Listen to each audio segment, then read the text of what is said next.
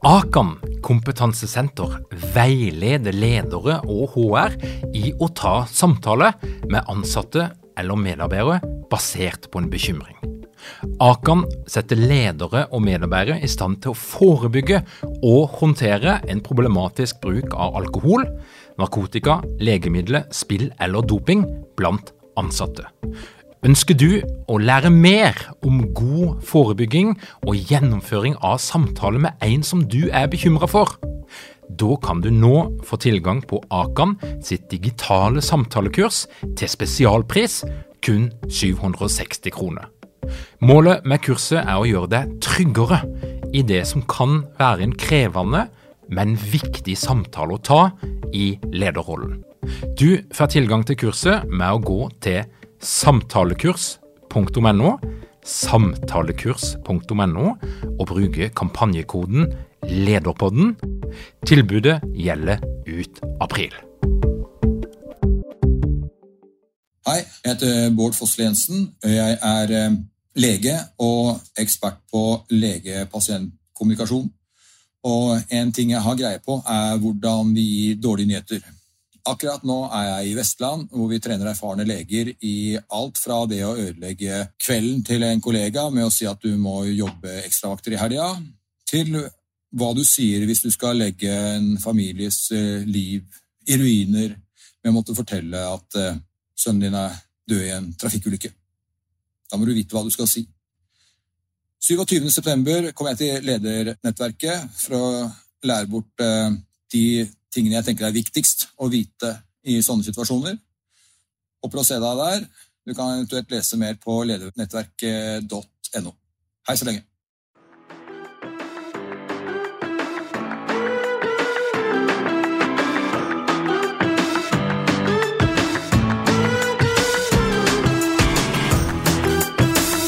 Velkommen til Lederpodden. Mitt navn er Tor Åge Eikrapen. Jeg jobber som organisasjonspsykolog, og dette her er en podkast om ledelse.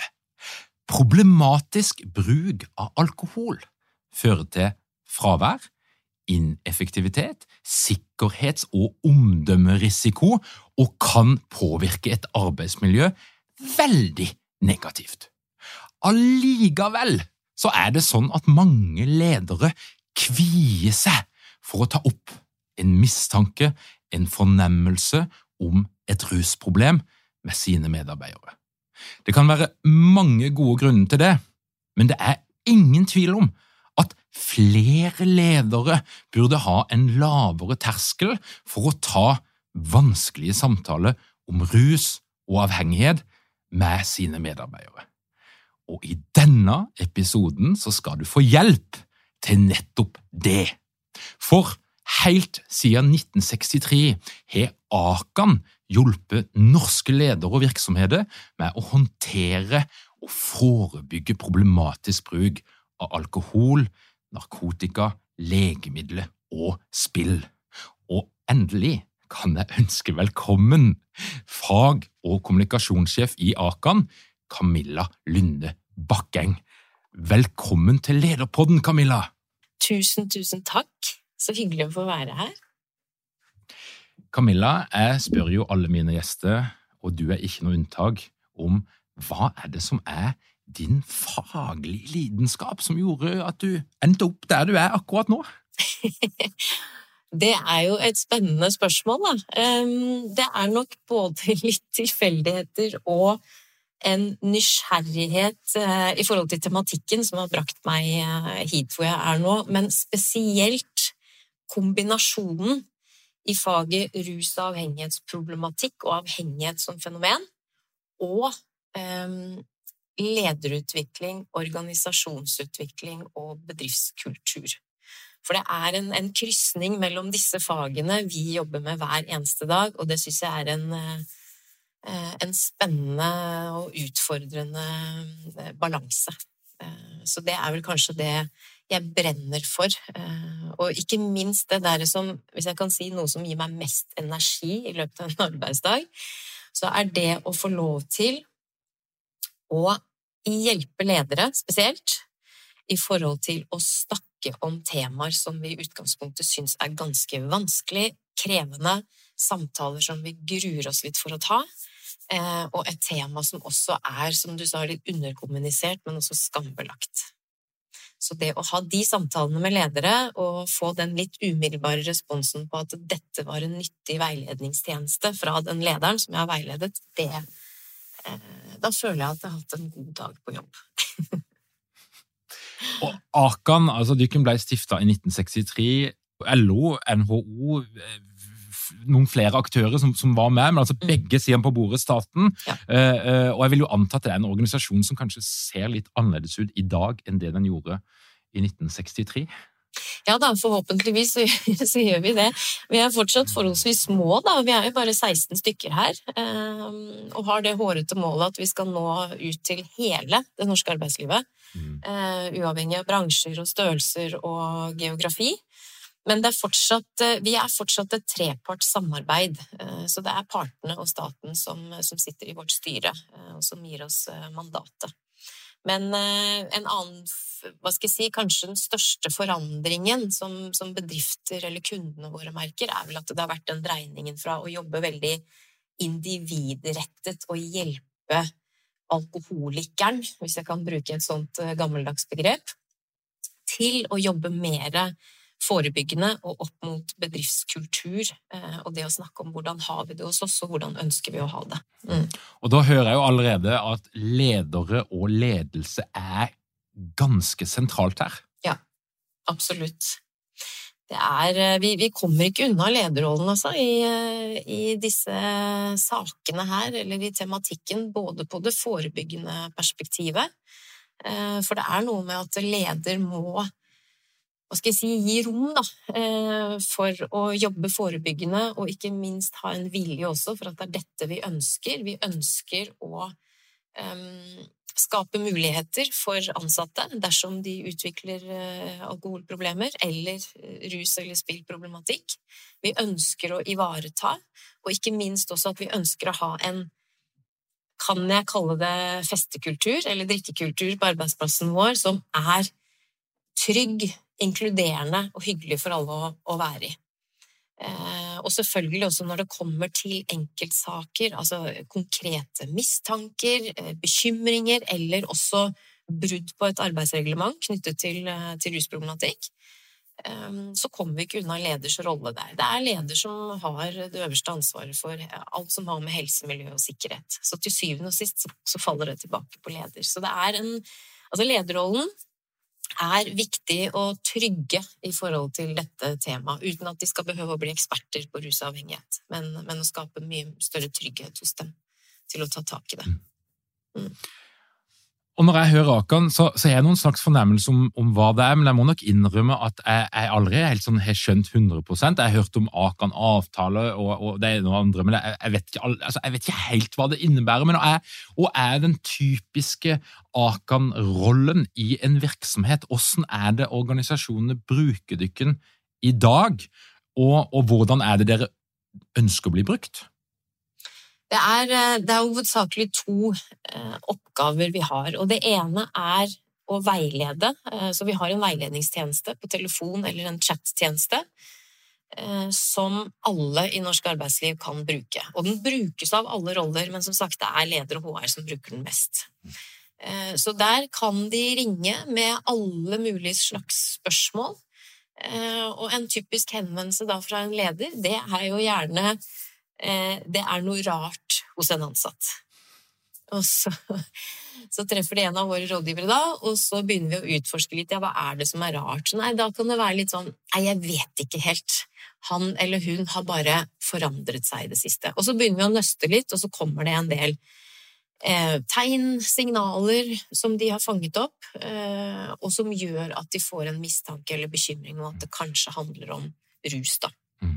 Og så går vi det kan være um, hva skal jeg si, ja, Det kan være de bekymringssamtalene der, men det kan også selvfølgelig være henvendelser som er helt konkrete situasjoner her og nå. At jeg har en person på jobb som er påvirka. Hva gjør jeg nå? Mm. Eh, det kan være konkret at de har fått en klage fra en kunde, eksempel, som har hatt besøk av en av de ansatte som har vært påvirket, eksempel. Så det kan være ganske sånne, hvis jeg kan kalle det litt krisesituasjoner, i hvert fall for den lederen som ringer inn, til disse litt vage, dårlige magefølelsene over at det er noe som ikke er helt i orden med en ansatt. Så det er en stor del av vår hverdag å være, altså betjene denne veiledningstjenesten. Eh, men så er det også det vi gjør mye av, det er jo å være ute i bedriftene eh, og holde kurs og opplæring. Og da er det gjerne at eh, en virksomhet samler en ledergruppe, f.eks., kanskje sammen med HR, eh, eventuelt også tillitsvalgt verneombud. Ehm, og når vi er ute i virksomheter og holder kurs, så er det også mye opplæring i det å ta samtaler basert på en bekymring. Men også fokus på hvordan kan vi forebygge, hvordan kan vi snakke om altså Hva slags språk skal vi bruke? Hvordan kan vi snakke om vår egen kultur og hvordan vi vil ha det, uten å bli oppfatta som moralisten eller festbremsen eller til og med avholdspersonen. For det er noen sånne hindringer, eller kanskje noen Jeg vet ikke om jeg skal kalle det frykt for å bli oppfattet som dette, da. Så det hjelper vi dem med. og, og, når en virksomhet snakker om en Akan-avtale, nå, er det litt sånn fordømmes her, og hva, hva, mener de med det? Ja, eh, det er bra du spør. En Akan-avtale, eller som vi har hengt på nå de siste årene, en individuell Akan-avtale, det er rett og slett den oppfølgingsavtalen som man kan eh, formulere eller få i stand med den ansatte som eventuelt har utviklet et rus- eller spillproblem. Så det er ikke en behandlingsavtale, men det er rett og slett en mulighet for leder og den ansatte å bli enige om eh, kanskje noe tilrettelegging i en periode. Eh, helt klart eh, en vurdering hos en fastlege eller bedriftshelsetjeneste, og da eventuelt en henvisning til videre behandling. For det er så viktig at vi tar fenomenet avhengighet på alvor og kobler på medisinskfaglig kompetanse for at den ansatte skal få riktig hjelp.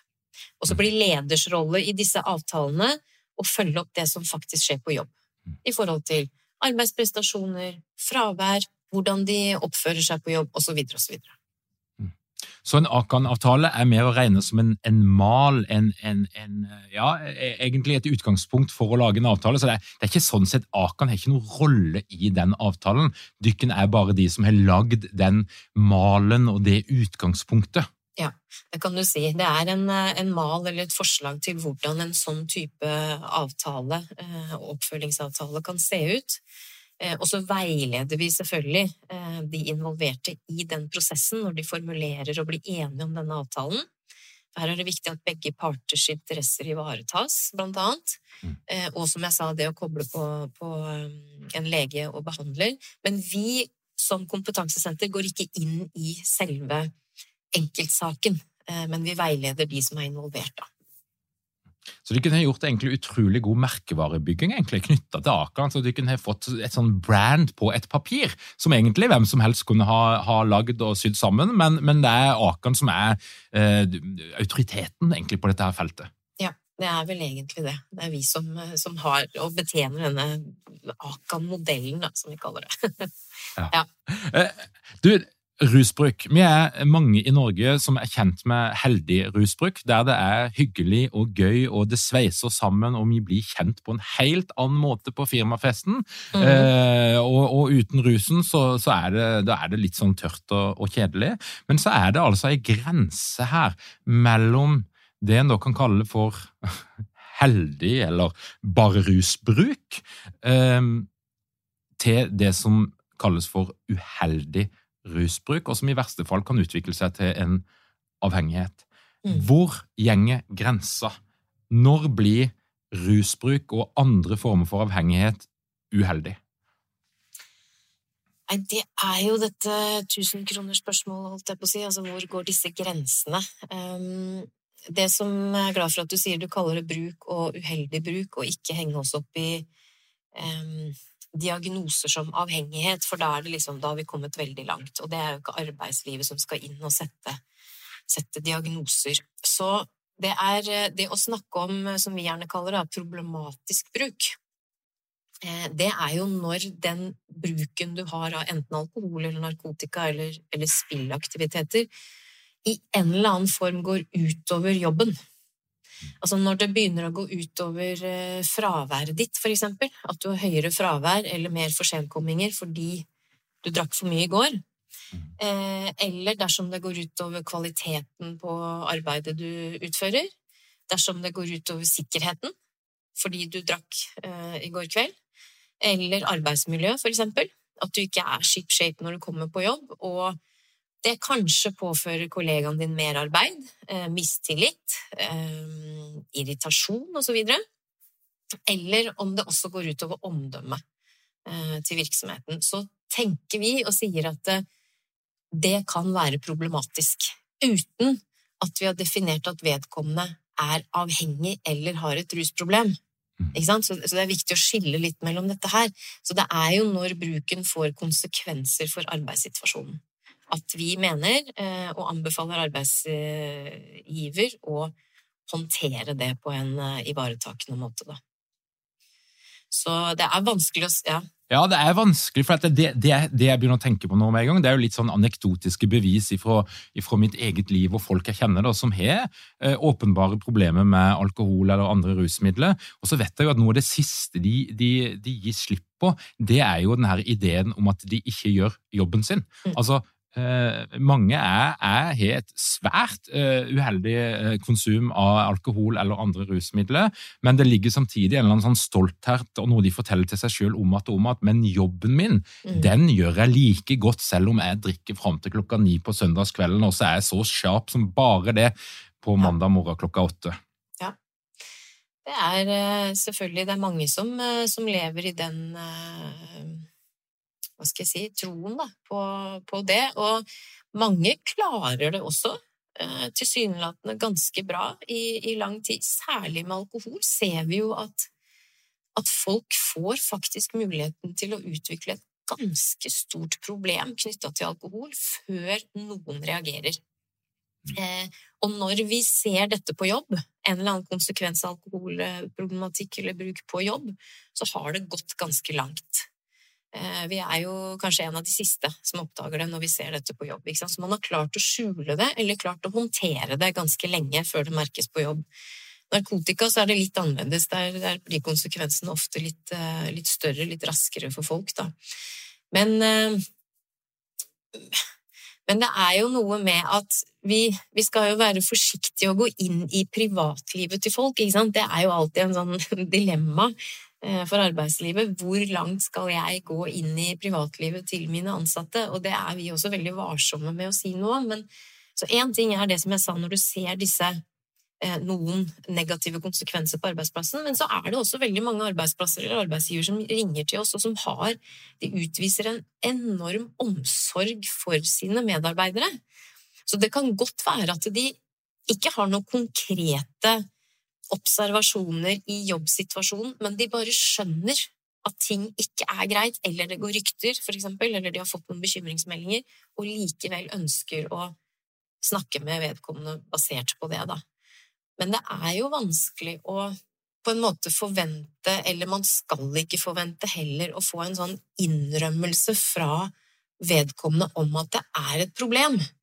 Eh, selv om vi kanskje tror at problemet er større enn det er, eller at bruken er høyere enn det er, osv., så, så så er det noe med å hva skal jeg si, bare formidle at jeg er bekymret for deg i en eller annen form, da, eller basert på et eller annet jeg har observert, og så la vedkommende få lov til å fortelle eventuelt hva det måtte være. Det er å vise at vi ser hverandre, og det er kanskje det viktigste. Så har vi nok en tendens til å gjøre kanskje dette dette, eh, jeg si, dette temaet enda vanskeligere enn f.eks. Psykiske, lettere psykiske lidelser, selv om det også er vanskelig. Men jeg tror fortsatt det er noe knyttet til særlig alkohol. Eh, vi er redd for å ta feil. Jeg er redd for å påføre deg et problem som du kanskje ikke har. Jeg er redd for å stille den diagnosen som kanskje ikke stemmer. Eh, vi drikker jo sammen. Vi har jo flust av anledninger i norsk arbeidsliv hvor vi drikker sammen. Det kan være jobbreiser, representasjoner, jobbfester, det ene og det andre. Til og med kanskje støtte hverandre ut i taxien etter en, etter en veldig fuktig kveld. Og så plutselig, dagen etterpå, så skal jeg stille spørsmålstegn ved ditt alkoholbruk.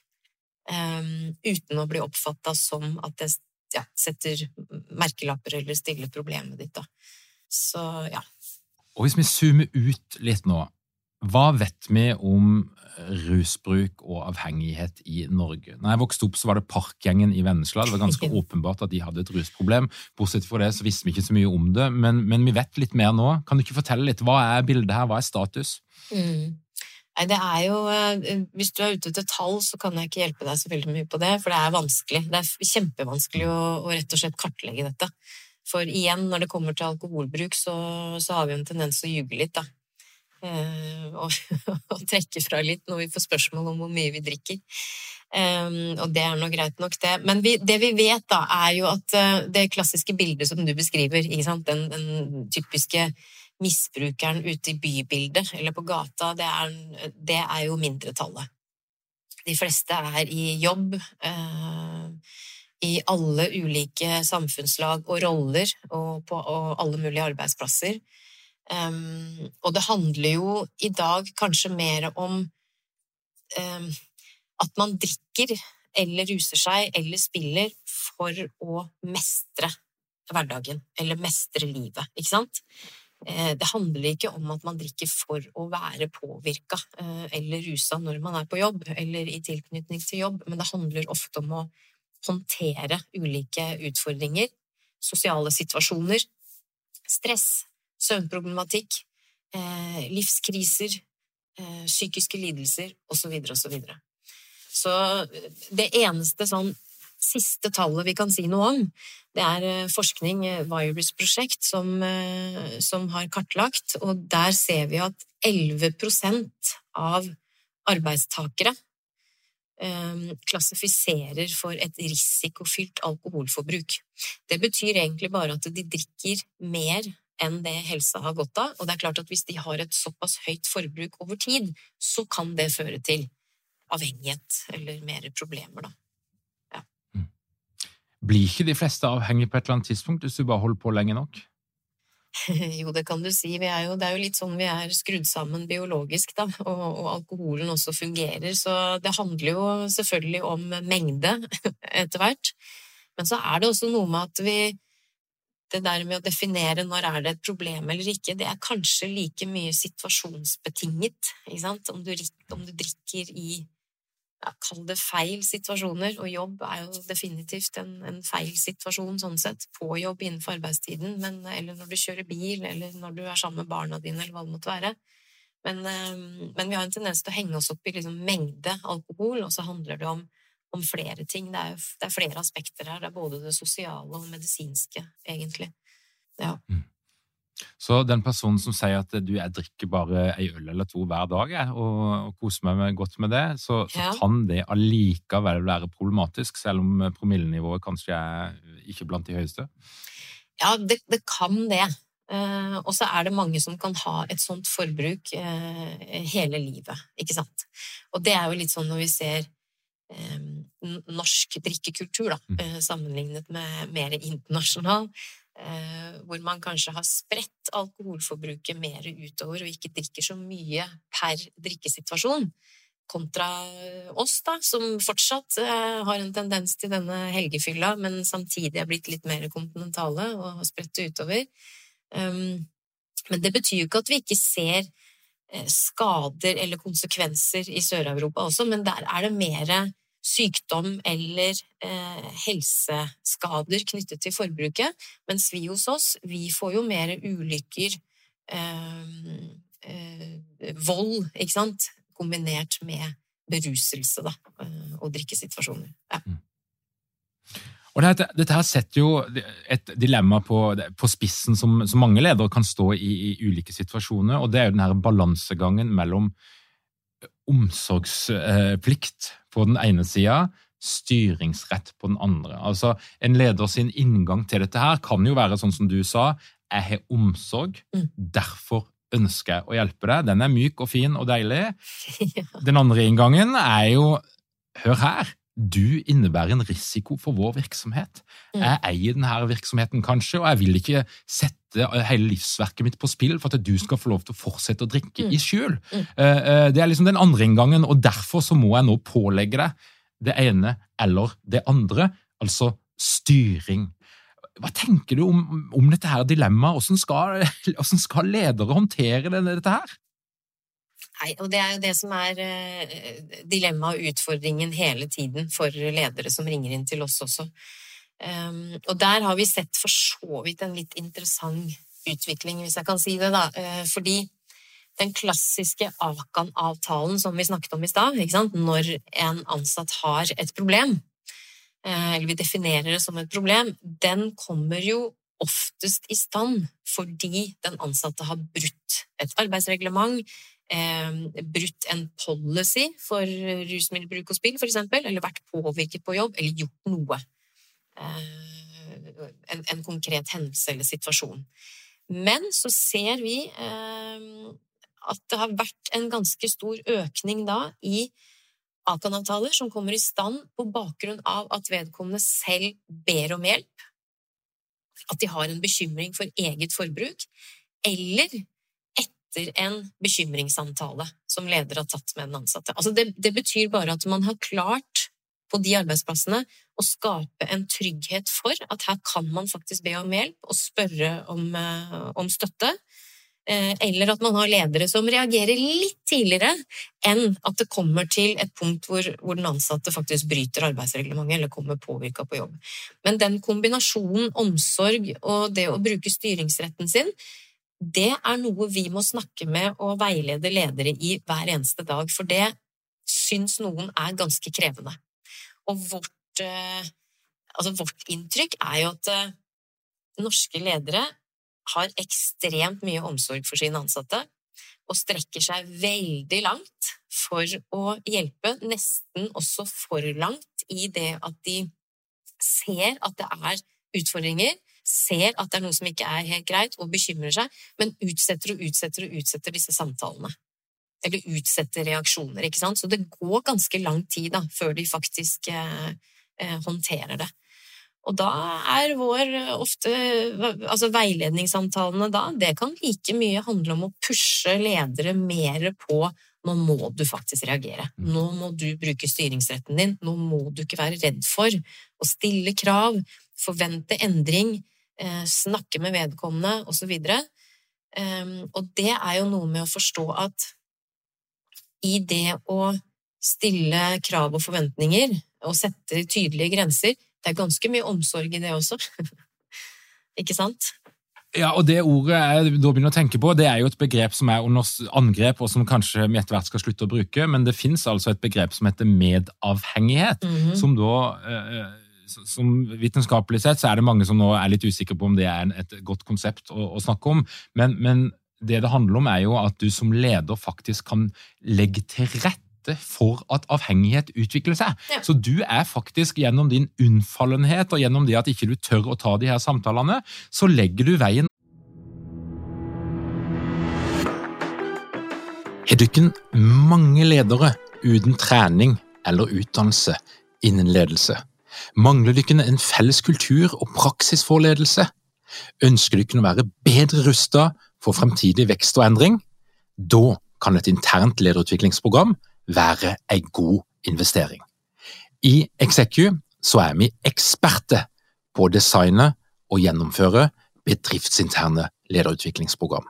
Hvis du ønsker å lære mer om hvordan vi kan hjelpe dykken til å få enda bedre ledere, ta og klikk deg inn på execu.no.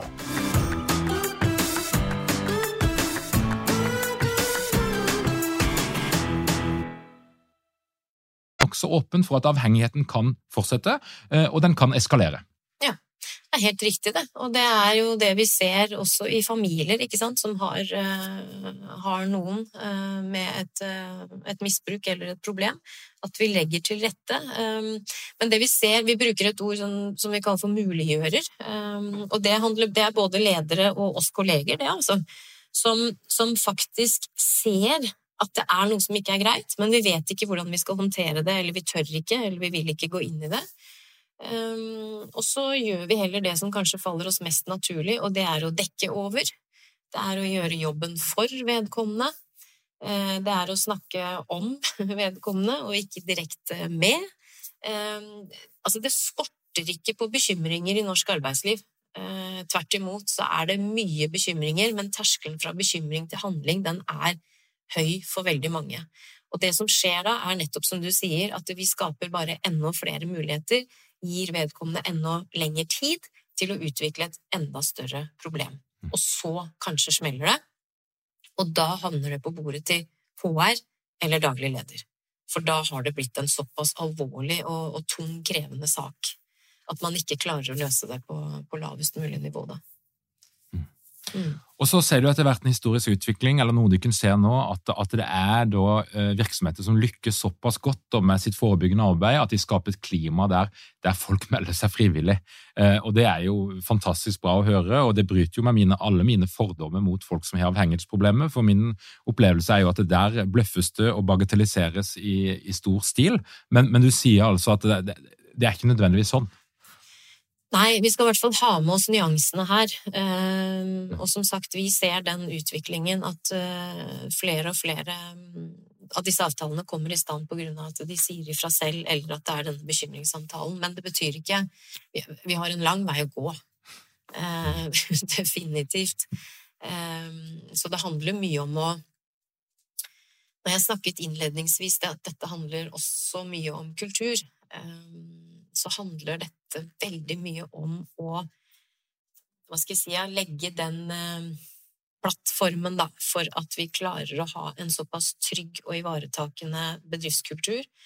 Eh, at vi tør å snakke om disse tingene også. Mm. At man bare viser at vi vet og vi skjønner at dette er, eh, dette er utfordringer som mange kan komme opp i.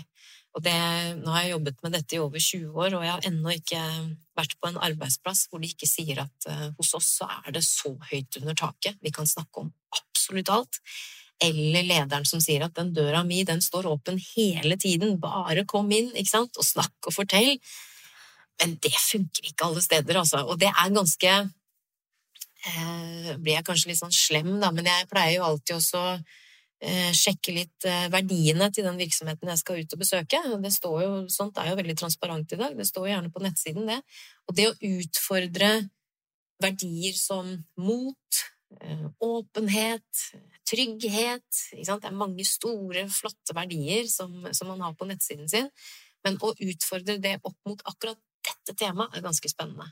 For dette er fortsatt tabubelagt og vanskelig og sårt uh, å snakke om. Så vi, vi, må aldri slutte med det eller lene oss tilbake og tenke at uh, nå er det trygt for alle. Og det er som du sier, den, uh, den oppfatningen som vi kanskje har, og som vi møter veldig mange, at ja, men vi møter jo bare fornektelse og bortforklaringer og forsvar og til, til og med manipulasjon, ikke sant? Verdensmestere til å manipulere. Um, ja, selvfølgelig, tenker jeg da at de forsvarer seg og bortforklarer og nekter. Eh, fordi dersom du blir konfrontert med det du kanskje skammer deg aller, aller mest over i livet, og i tillegg blir redd for hva skjer med jobben min nå, så vil den frykten ofte bli så stor for veldig mange, og man føler seg pressa så opp et hjørne, at det er eneste overlevelsesmekanisme, det er å forsvare seg eller benekte. Så det er, jeg vil nesten ikke kalle det manipulasjon, det er overlevelsesstrategi, ikke sant. Mm. Og den tror jeg vi alle kan kjenne på, da, hvis vi, hvis vi kommer i tilsvarende situasjoner hvor du faktisk føler deg litt eh, pressa. Ønsker du å lære mer? Ledernettverket er et digitalt nettverk for ledere som ønsker oppdatert kunnskap praktiske lederverktøy og regelmessig faglig påfyll for å være best mulig rusta til å lede i dag og i framtida. Som medlem får du hver måned møte en ny ekspert innen psykologi og ledelse i våre interaktive workshops. Du får mulighet til å lære andres erfaringer og dele dine egne. I vår digitale nettverksplattform får du eksklusiv tilgang på Lederpodden live, aktuelle videokurs, webinarer og faglige diskusjoner. Les mer og meld deg inn på ledernettverket.no.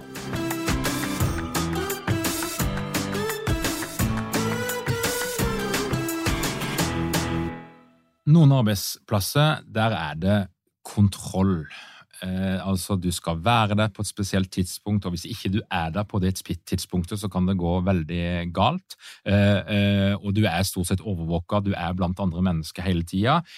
Der tenker jeg at det er ja, kanskje noe lettere å oppdage symptomer og, og, og se de her tegnene, men i dag. Hjemmekontor, autonomi, mm. frihet. Folk skal holde på for seg sjøl. Altså, mm. det er jo Er det ikke blitt lettere å ha et rusproblem i dag? Og er det ikke sånn at mange arbeidsplasser med all autonomien uten å ville det, legger faktisk veldig til rette for at du kan, du kan eskalere og kjøre litt ekstra på når det gjelder rusbruken din?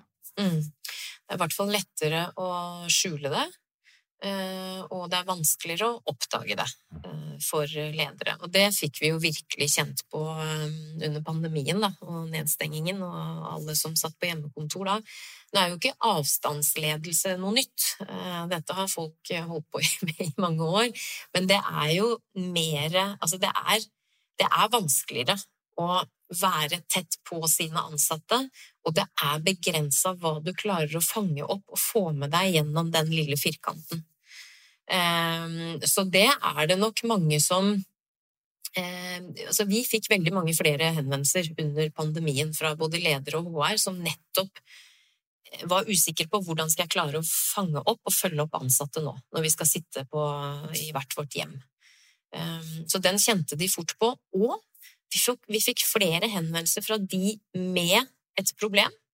For de spurte hvordan skal leder følge opp meg nå? Altså hva skjer med meg nå når jeg skal sitte her alene? Jeg skal finne en struktur på arbeidshverdagen min, rutiner osv. Så, videre. så de kjente på den utryggheten, da. Mm. Så vårt råd eh, etter pandemien eller under pandemien, men også selvfølgelig til arbeidsplasser hvor man nå har de hybride løsningene. Mange sitter på hjemmekontor eller generert avstandsledelse. Du må være tett på. Du må ha eh, jevnlig korte samtaler med de ansatte, og hvis du får en minste bekymring, så må du, liksom, må du være enda tettere på. Men kanskje enda viktigere er å rigge, um, rigge, det rommet hvor man faktisk kan snakke om disse temaene, snakke om disse tingene, og det tror jeg at ledere må være flinkere til å ta initiativ til. Uh, sette av tid. Uh, vi oppfordret alle våre kunder, i hvert fall, eller de som var i kontakt med oss, og vi gjorde det selv. Vi satte av tid jevnlig til å bare snakke om hvordan er det å jobbe hjemme nå? Hvordan er det på hjemmekontor? Mm. Hvordan er det når vi ikke treffes? Eh, hvilke utfordringer kan vi kjenne på? Hva har du behov for? Altså ta de jevnlige, eh, jevnlige pratene der er kjempeviktig, for da om du ikke får så mye ut av folk akkurat der og da, så har du i hvert fall vist da, som leder at dette tør jeg å snakke om, og dette er jeg opptatt av. Eh, og kanskje da en dag så er det litt lettere for den som eventuelt kjenner på det som litt krevende, å komme til deg og, og fortelle litt. Så det krever mye mer av oss, den arbeidsformen som veldig mange har nå, altså. Eh, det er ikke noe tvil om det. Og Hvis vi skal gi en liten fasit her, da, nå er dette her en input, men, men det er et strukturelt nivå her, tenker jeg. Altså struktur og kultur henger mhm. ofte nøye sammen. Eh, og så er det noe som handler om den enkelte leders ferdigheter, holdninger, evne til å gå inn i ubehagelige samtaler. Mm. Men hvis vi begynner med den strukturelle og kulturelle delen, hva er det de gjør for noe, de som er flinke til å forebygge og til å håndtere, og som tar dette her på alvor fordi at de skjønner at det er viktig for virksomheten, og det er viktig for de medarbeiderne som en ønsker å passe på? Mm. De virksomhetene eh, som får til den tryggheten, det er de som eh, formulerer eller diskuterer seg fram til hvilke rammer skal vi ha. Hvilke grenser skal vi ha for hva som er akseptabel bruk og uakseptabel, eller når er det greit og ikke greit, for å gjøre det veldig enkelt. da. Det som vi kaller for en policy for rusmiddelbruk og spill, eller kjøreregler for hvordan det skal være hos oss. Det er det beste spørsmålet du kan stille deg skal du jobbe med kultur. Det er hvordan ønsker vi å ha det hos oss. Og så kan man bli da såpass konkret og tydelig at det er helt greit når vi har våre eh, sosiale situasjoner å drikke alkohol, eh, servere alkohol, men at vi er enige om at det skal være trygt og inkluderende og hyggelig for alle å være der. At man er flink til å ha alkoholfritt drikke, selvfølgelig. At, at valgene blir litt enklere for folk, da. Og så bør jo vi nordmenn også bli litt flinkere til å slutte å spørre hverandre hvorfor du ikke drikker, for det er ikke, noe, det er ikke noe behagelig. Men de virksomhetene som klarer å snakke om eh, nettopp hvordan ønsker vi å ha det hos oss, og hvordan skal vi håndtere situasjoner som hva skal jeg si, sklir ut, da, mm. eller der hvor noen bryter det vi har blitt enige om, de som tar det i forkant, de eh, ser ut som at klarer å få til en litt større trygghet hos de ansatte. For det skaper en eh, forutsigbarhet eh, hos både ansatte og ledere for hvordan man ønsker å ha det, og hvordan man skal håndtere disse situasjonene. Eh, så det er et sånt første tips, egentlig, til å, å nærme seg tematikken. Og det er jo sånn som man kan gjøre selvfølgelig før man skal ha noen sosiale situasjoner, men det må også være eh, Hva skal jeg si Det må falle seg naturlig.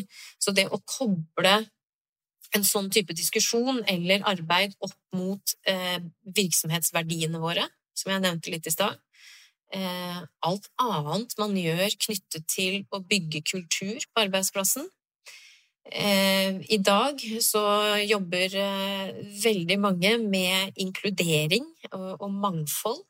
Mm -hmm. Der har du noen knagger å henge det på. Eh, og ikke minst også samfunnsansvar eller bærekraft. Du kan, du, kan, henge Selv om dette temaet er veldig smart, jeg også, eller smalt, jeg også skjønner det, altså. At ikke alle har dette liksom, top of mind hele tiden. Men vi har ganske mange arbeidsområder eller perspektiver på jobben hvor vi faktisk kan henge dette arbeidet på. Sånn at det ikke blir noe som lever på siden av alt det andre vi driver med. Helse, miljø og sikkerhet det er liksom opplagt, men det er veldig mange andre knagger man kan bruke også. Og psykisk helse tenker jeg liker det som en, et tema som mange nå har begynt å dykke inn i, og det er tett relatert til dette her. Ikke minst. Og du vet, når vi ser Hvis du ser symptomer eller signaler på alkohol, eh, problematikk eh, på jobb, så er jo det oftest bare symptomer på noe annet. Det ligger noe annet bak. Som jeg sa i stad, det handler om å eh, mestre, eh, mestre kriser eller noe vanskelig i hverdagen. Ja. Hva er det ledere må jobbe med når det kommer til holdning og terskel for å ta opp en mistanke, en murring, en, en vond følelse. Og høy eller lav skal den terskelen være? den, den, bør i hvert fall bli litt lavere enn den er for mange i dag.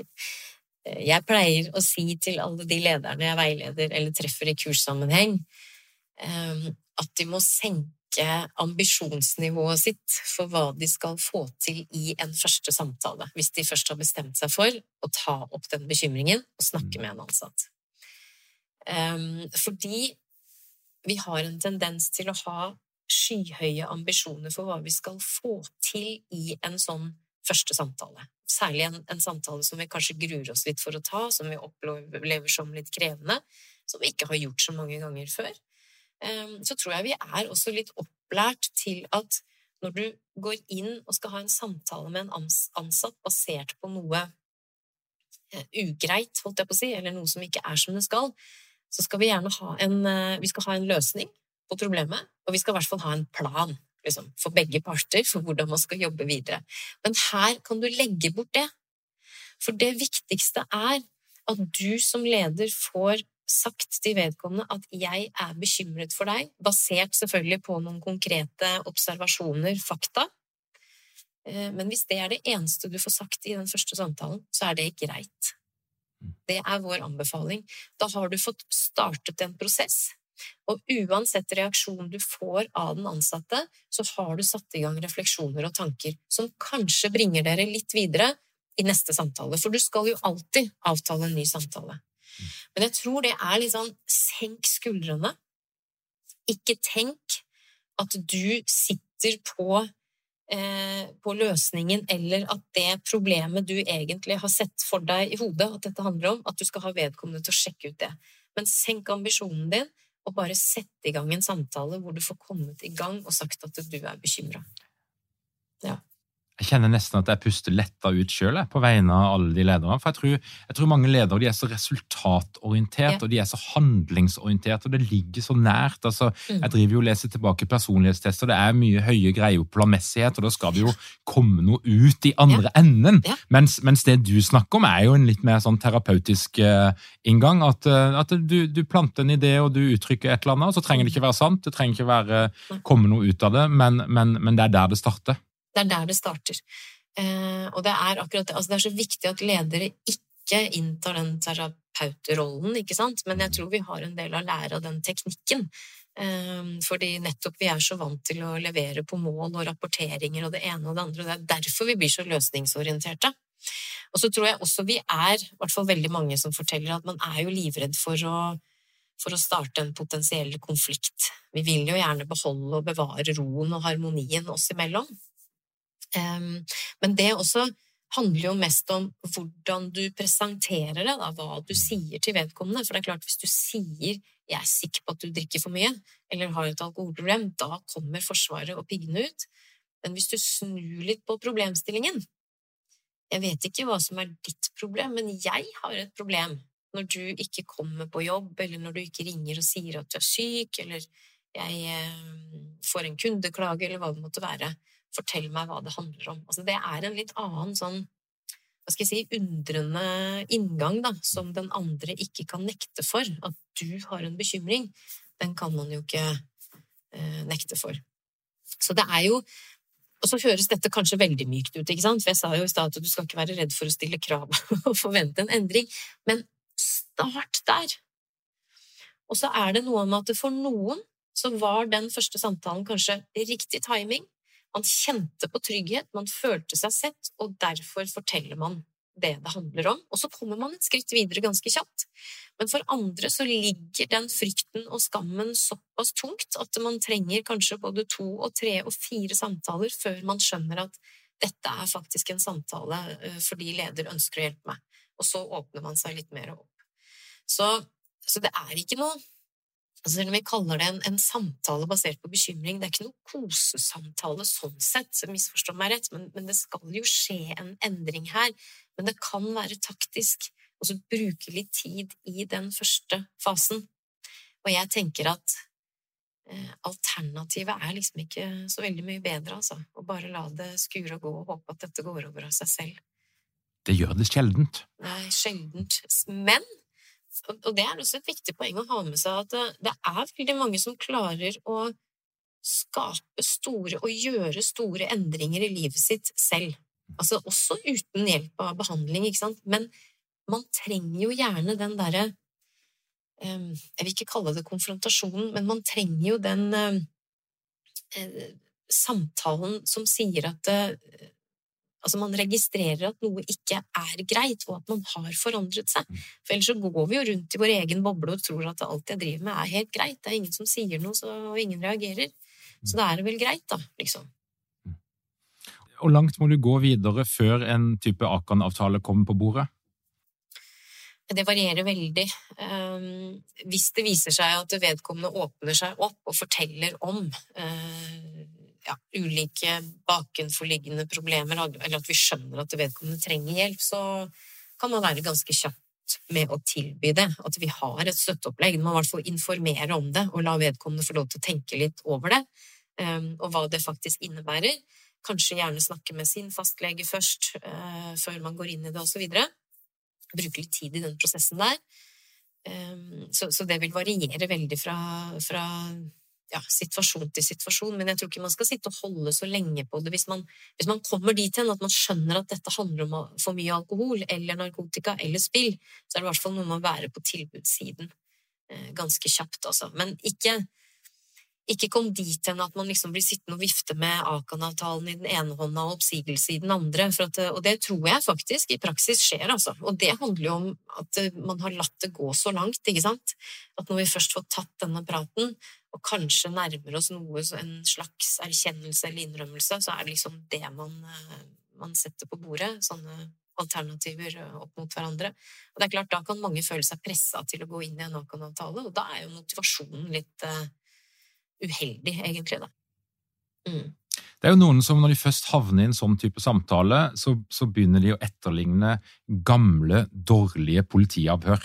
Ja. Der du skal få pressa den andre fram til å innrømme ja. gjennom lukka spørsmål og egentlig en form for press og manipulering som er skikkelig ugrei. Eh, eh, men det er jo ikke nødvendigvis av dårlig intensjon, men fordi at en, en, en har ikke så mange teknikker på lager. Mm. Hva, hva, er gode samtaleteknikker å bruke i denne type samtale, der du skal adressere noe som er vondt, vanskelig, skamfullt, sensitivt? Mm. Det er jo som du sier, i hvert fall eh, prøve å stille så åpne spørsmål som mulig, da. Eh, og så er det alltid veldig fornuftig å bygge en sånn bekymring og samtale på fakta. Vær konkret på det du har observert. Eh, og mange er jo så mange arbeidsplasser er jo så flinke på å registrere for eksempel, eller følge opp sykefravær, og der kan man være veldig tydelig og konkret. Og da må man gå helt i detalj på det. Nå er det så mange mandager etter hverandre hvor du har vært syk. Sykdom følger ikke ukedager, sånn at man kan liksom være så konkret og ikke bare si den 'du er så mye syk for tiden'. For da blir svaret 'ja, men jeg er ikke noe oftere borte enn alle andre her'. Så man må være tydelig og konkret. Um, og så er det de åpne spørsmålene, selvfølgelig. Og så er det å la folk få lov til å snakke. For det du beskriver der, er jo litt sånn der revolverintervju, ikke sant, hvor man nesten har det neste spørsmålet før vedkommende har fått svart. Men la folk få lov til å tenke eh, litt på spørsmålet. Still spørsmålet på nytt. Bruk svaret du får, til å formulere et spørsmål igjen. Eh, og lytt til hva vedkommende har å si. Så ja, litt mykere variant, eh, kanskje, enn det, du, eh, enn det, du, beskriver her. Og så er det nettopp det at eh, legg bort den forventningen om at du skal få en erkjennelse. Fordi vedkommende, eller i hvert fall skjær, høres ut som jeg skjærer alle over en kam her, men veldig mange erkjenner jo ikke et alkoholproblem etter tre uker i behandling engang. Så hvem er vi da, som ledere på jobb, som tror at vi skal få den innrømmelsen eller erkjennelsen i første eller andre samtale? Glem det. Eh, så det handler mer om å beskrive det du ser, og så stille åpne spørsmål. Fortell mer om det. Fortell meg hva dette handler om. Og så får vi lytte, da. Mm. Camilla, hvis du skal komme med én eh, tydelig oppfordring til alle de tusen lederne som hører på Lederpodden. Er det, er, det sånn, er, det, er det, noe som ikke er blitt sagt, eller noe som du har lyst til å liksom si litt ekstra tydelig?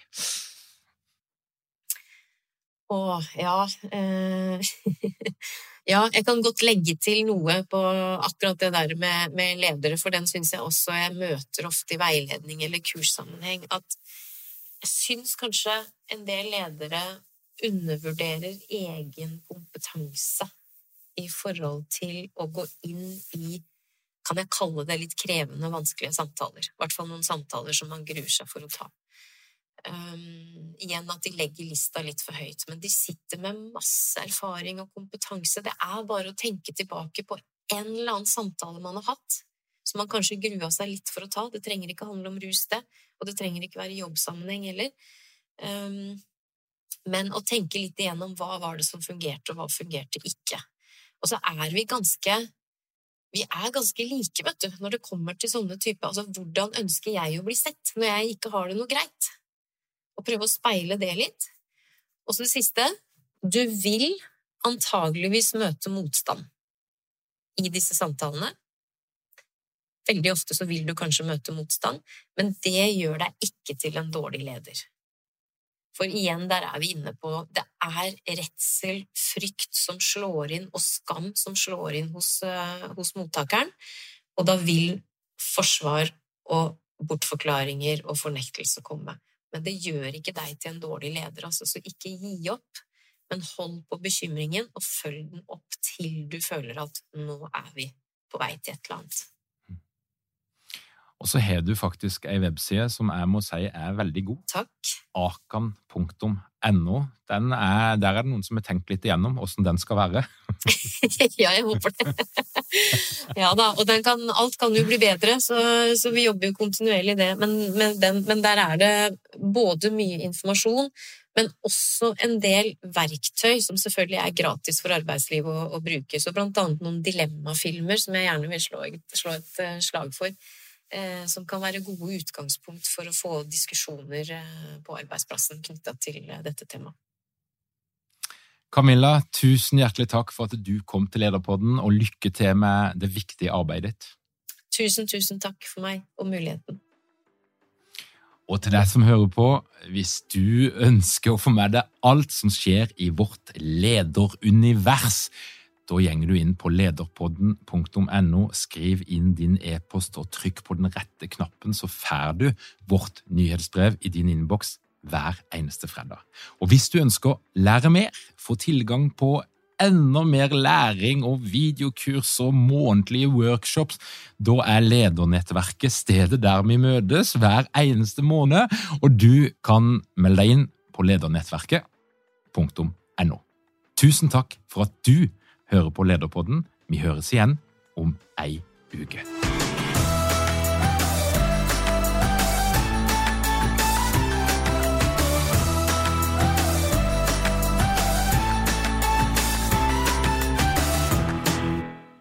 Lederpodden er gitt til deg av Execu. Vi tilbyr leder- og ledergruppeutvikling som gir effekt. Les mer på execu.no.